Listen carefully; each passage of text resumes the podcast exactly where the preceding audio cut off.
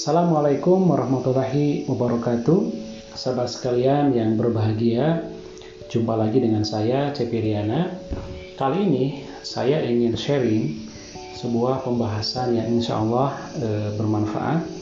Ini saya terinspirasi dari e, pembahasan Ustadz Nasrullah Dalam bukunya tentang magnet rezeki. Topik yang akan kita e, bicarakan itu tentang the law of projection ya.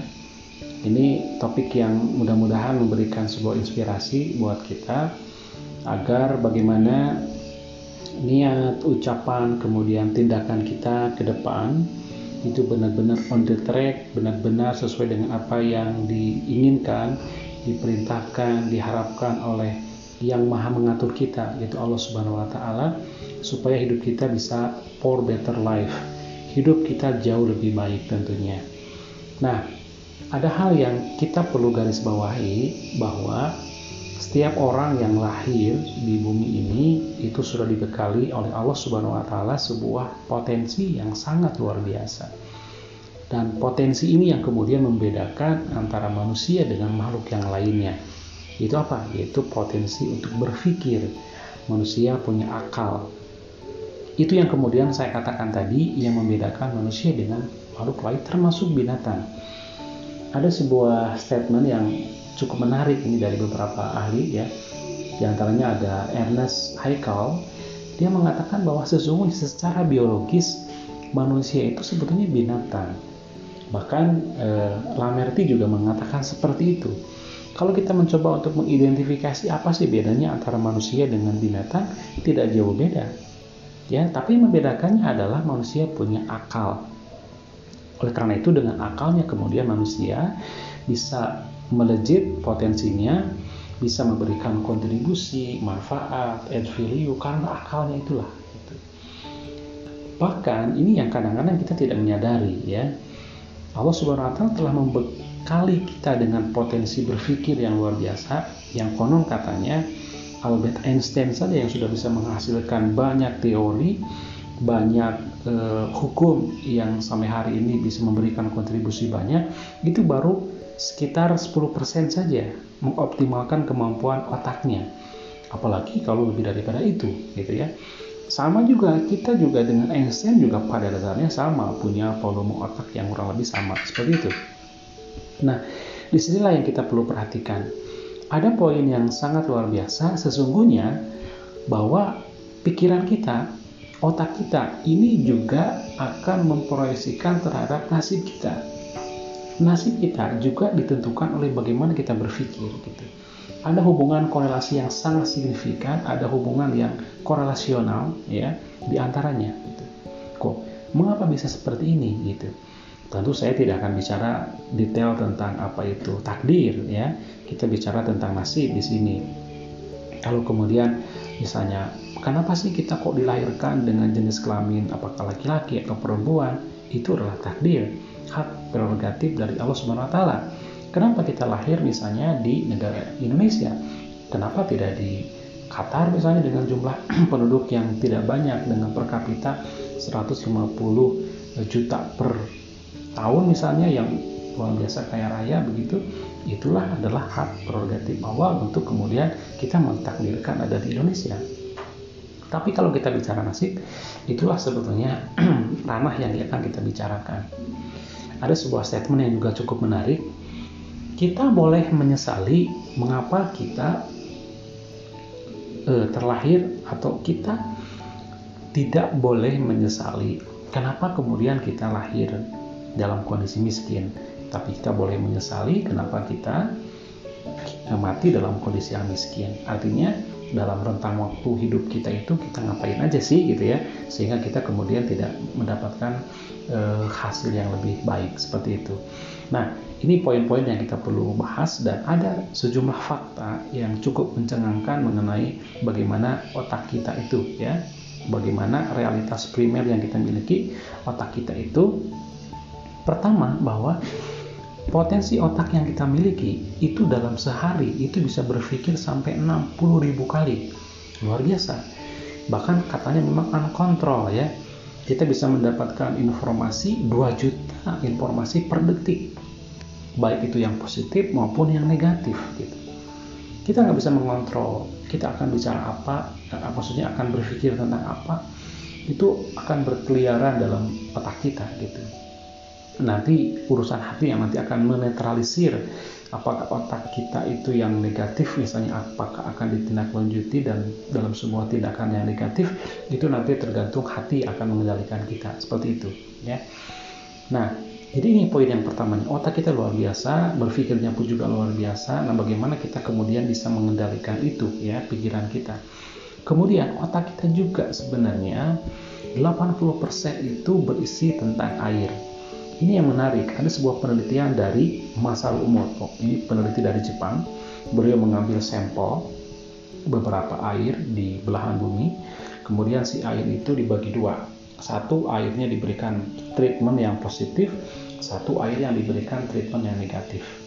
Nah ternyata air yang diberikan treatment yang negatif setelah kemudian dibekukan, kemudian dilihat, diperbesar sekian ribu, maka terjadilah bentukan dari kristal yang sangat berbeda.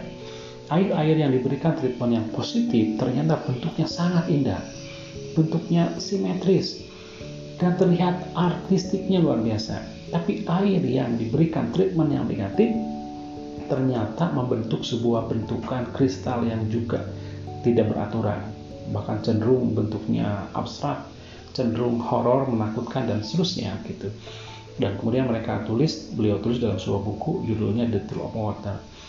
Ini mengisyaratkan bahwa sesungguhnya otak kita yang 80% itu adalah sebuah energi. Air merupakan sebuah energi. Bahkan kalau kita bicara hukum kekekalan energi energi tidak bisa diciptakan dan tidak bisa dimusnahkan. Hanya bisa berubah bentuk. Makanya wajar kalau kemudian saya dulu waktu kecil banyak orang yang kemudian di tempat di kampung saya sakit. Kemudian dia cukup bawa air apakah dia satu gelas atau mungkin bawa juga dengan embernya sekalipun bawa ke ustadz kemudian dikasih doa. Dan ternyata setelah diberikan kembali diminum dipakai mandi sembuh. Seperti itu. Kenapa? Karena tadi mungkin ada unsur positif aura positif yang diberikan dari doa-doa yang dipanjatkan. Jadi hal seperti itu sekarang sudah terbukti secara empirik secara by science gitu. Itu yang kedua. Jadi otak manusia itu akan sangat berkontribusi terhadap bagaimana pikiran kita akan memproyeksikan ke dalam bentuk kegiatan aktivitas dan ujungnya akan merubah nasib kita. Seperti itu. Nah jadi artinya nasib kita itu juga sangat ditentukan oleh bagaimana pikiran kita. Ada sebuah uh, rumus yang kita perlu yakini sahabat-sahabat sekalian yang agama Islam tentu harus meyakini tentang ini bahwa pikiran yang kita keluarkan, pikiran yang ada dalam benak kita itu menjadi sebuah energi. Dan energi itu adalah sebuah doa. Oleh karena itu, doa merupakan sebuah ibadah kita. Dan setiap doa itu yakin akan diijabah. Setiap doa pasti akan dikabulkan oleh Allah Subhanahu wa taala.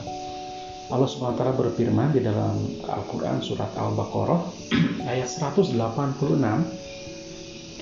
saya bacakan A'udzu billahi minasyaitonir rajim Wa idza sa'alaka 'ibadi anni fa inni qarib. Ujibu da'watad da'i idza da'ani falyastajibu li wal yu'minu وَلْيُؤْمِنُوا بِي لَعَلَّهُمْ تَرْشُدُونَ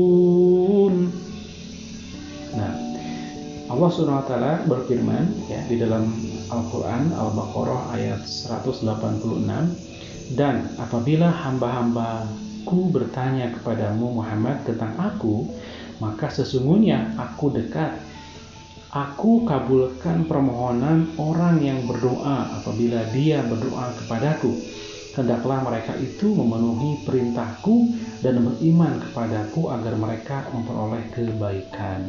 Jadi jelas sahabat-sahabat sekalian, setiap doa yang kita lakukan dalam setiap sholat kita, baik yang sunnah maupun yang wajib itu akan terkabul. Yakin itu gitu ya. Loh, kenapa kemudian kita udah berdoa? Misalnya dari bertanya, saya sudah berdoa, saya sudah e, berusaha, saya juga misalnya setiap berzikir kita lantunkan doa-doa kita, tapi kenapa kita masih belum terwujud juga apa yang kita inginkan? Misalnya kita belum punya harta yang me, apa berlimpah lah misalnya kan kita belum punya pekerjaan yang baik kah? Atau misalnya kita belum dapat pasangan hidup kah? Seperti itu maka sesungguhnya doa kita bisa jadi memang sudah diijabah dalam bentuk seperti itu. Artinya apa? Mungkin sholat kita ya eh, doa kita beberapa kali tapi setiap hari kita bisa puluhan bahkan bisa ribuan kali kita mengatakan saya mungkin nggak bisa. Oh saya mungkin bukan pakarnya di situ. Oh mungkin saya mungkin ditakdirkan menjadi orang yang miskin. Hal semacam itulah yang sesungguhnya akan menjadikan diri kita seperti itu ya akan menjadikan kita seperti itu. Ini luar biasa sekali. Jadi statement ini harus benar-benar menjadi bilik sistem kita ya. Ini juga dikuatkan ini ada sebuah buku judulnya adalah Think and Grow Rich dari Napoleon Hill. Buku ini amat bestseller ya. Rahasia kekayaan adalah menguasai pikiran. Jadi orang-orang yang kaya sebenarnya kuncinya satu saja bagaimana dia kemudian bisa menguasai pikiran gitu. Ya, karena pikiran itulah yang kemudian akan mengendalikan kita dan akan berwujud sesuai dengan apa yang kita pikirkan. Seperti itu.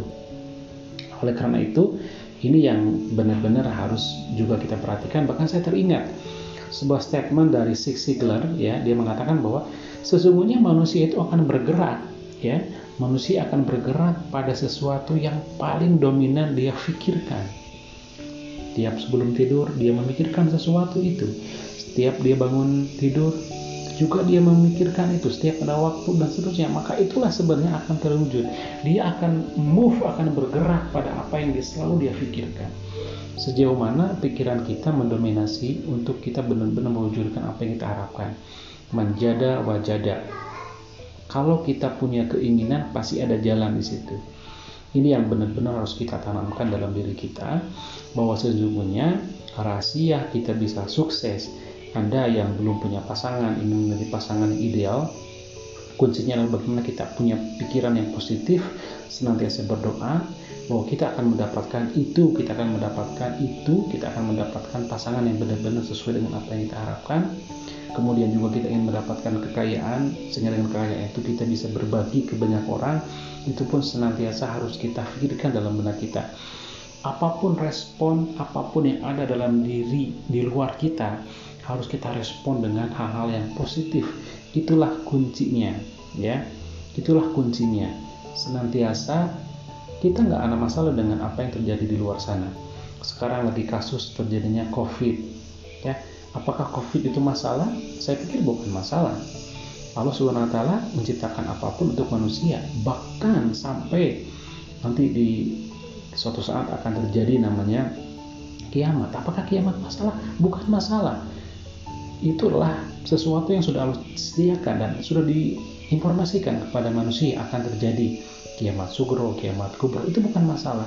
Tapi yang jadi masalah adalah bagaimana kita menyikapi itu ya Rasulullah SAW pun juga pernah menyampaikan siapa orang-orang yang dikategorisasikan yang cerdas dialah orang-orang yang senantiasa mengingat akan kematian dan senantiasa mempersiapkannya itulah orang-orang yang cerdas jadi masalah kita bukan melihat bagaimana kita akan mati akan meninggal bukan itu tapi bagaimana kita sedapat mungkin seoptimal mungkin setiap hari yang kita lewati setiap waktu setiap saat mempersiapkan itu jadi kalau ada kemudian orang yang mencaci kita, ada yang memusuh kita, bukan masalah kita. Masalah kita bagaimana kita menyikapi. Kalau dengan COVID ini amalan kita hanya biasa, itulah masalah kita. Kalau kemudian hafalan Qurannya tidak bertambah, itulah hafal apa masalah yang kita hadapi. Oleh karena kita harus sikapi dengan cara-cara yang lebih bijaksana.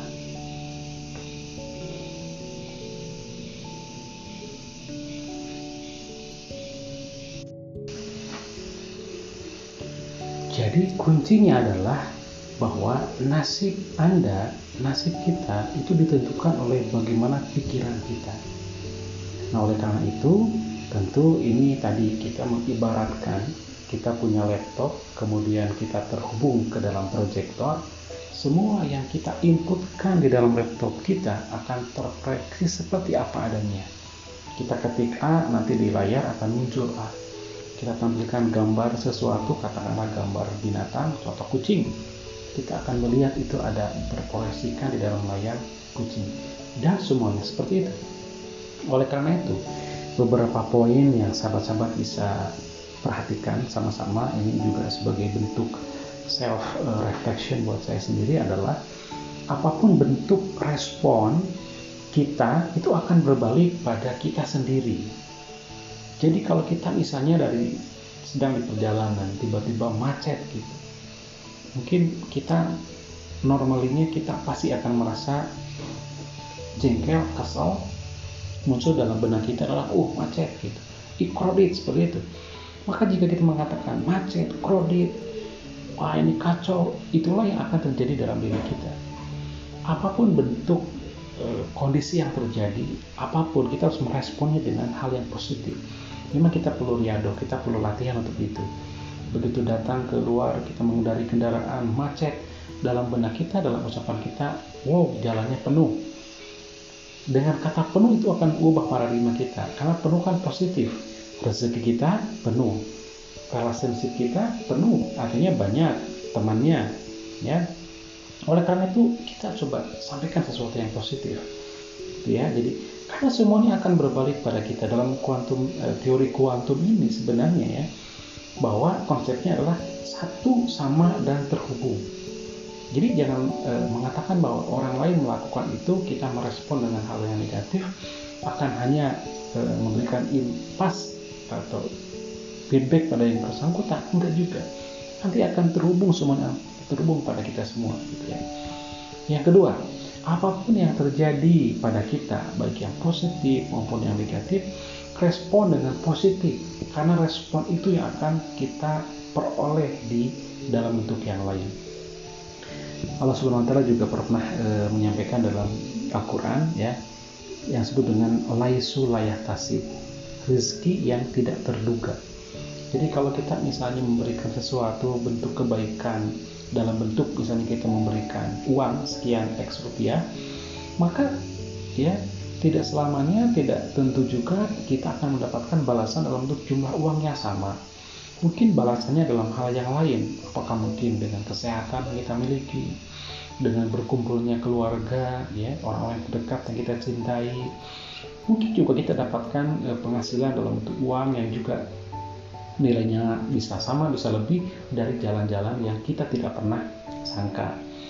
Jadi kuncinya adalah kita senantiasa positif apa pun bentuk yang kita terima harus senantiasa dalam bentuk positif yang berikut adalah jika seandainya oh rezeki kita kok belum baik masih terbatas urusan kita kok rasanya selalu rumit ya. Kemudian katakanlah kita belum dapat pekerjaan atau mungkin teman-teman yang dapat pasangan tadi atau mungkin teman-teman yang ada punya semacam penyakit kok nggak sembuh-sembuh itu pastikan pikiran anda terbatas pikiran anda sempit ya pikiran anda tidak terbuka tidak open mind tidak positif ya. Yakinkan ketika anda punya pemikiran yang positif bahkan secara medikal katanya 80% sekarang penyakit yang di, diderita oleh banyak orang itu akibat dari pikiran. Kalau kita sedang menghadapi sebuah e, bentuk penampilan katakanlah harus present di banyak orang kok tiba-tiba e, asam lambung jadi naik gitu ya kemudian kita kok jadi ingin e, pergi ke air karena mungkin beser karena otak kita akan merespon tubuh kita untuk melakukan hal-hal yang menunjukkan bentuk kecemasan kita beda kalau kitanya tetap rileks, kitanya tetap positif, tetap tenang, semua itu bisa kita kendalikan dengan sangat baik ya. Jadi sekali lagi itu sangat bergantung pada bagaimana kita berpikir. Fakta dan realita yang ada itu sebenarnya tidak terlalu penting.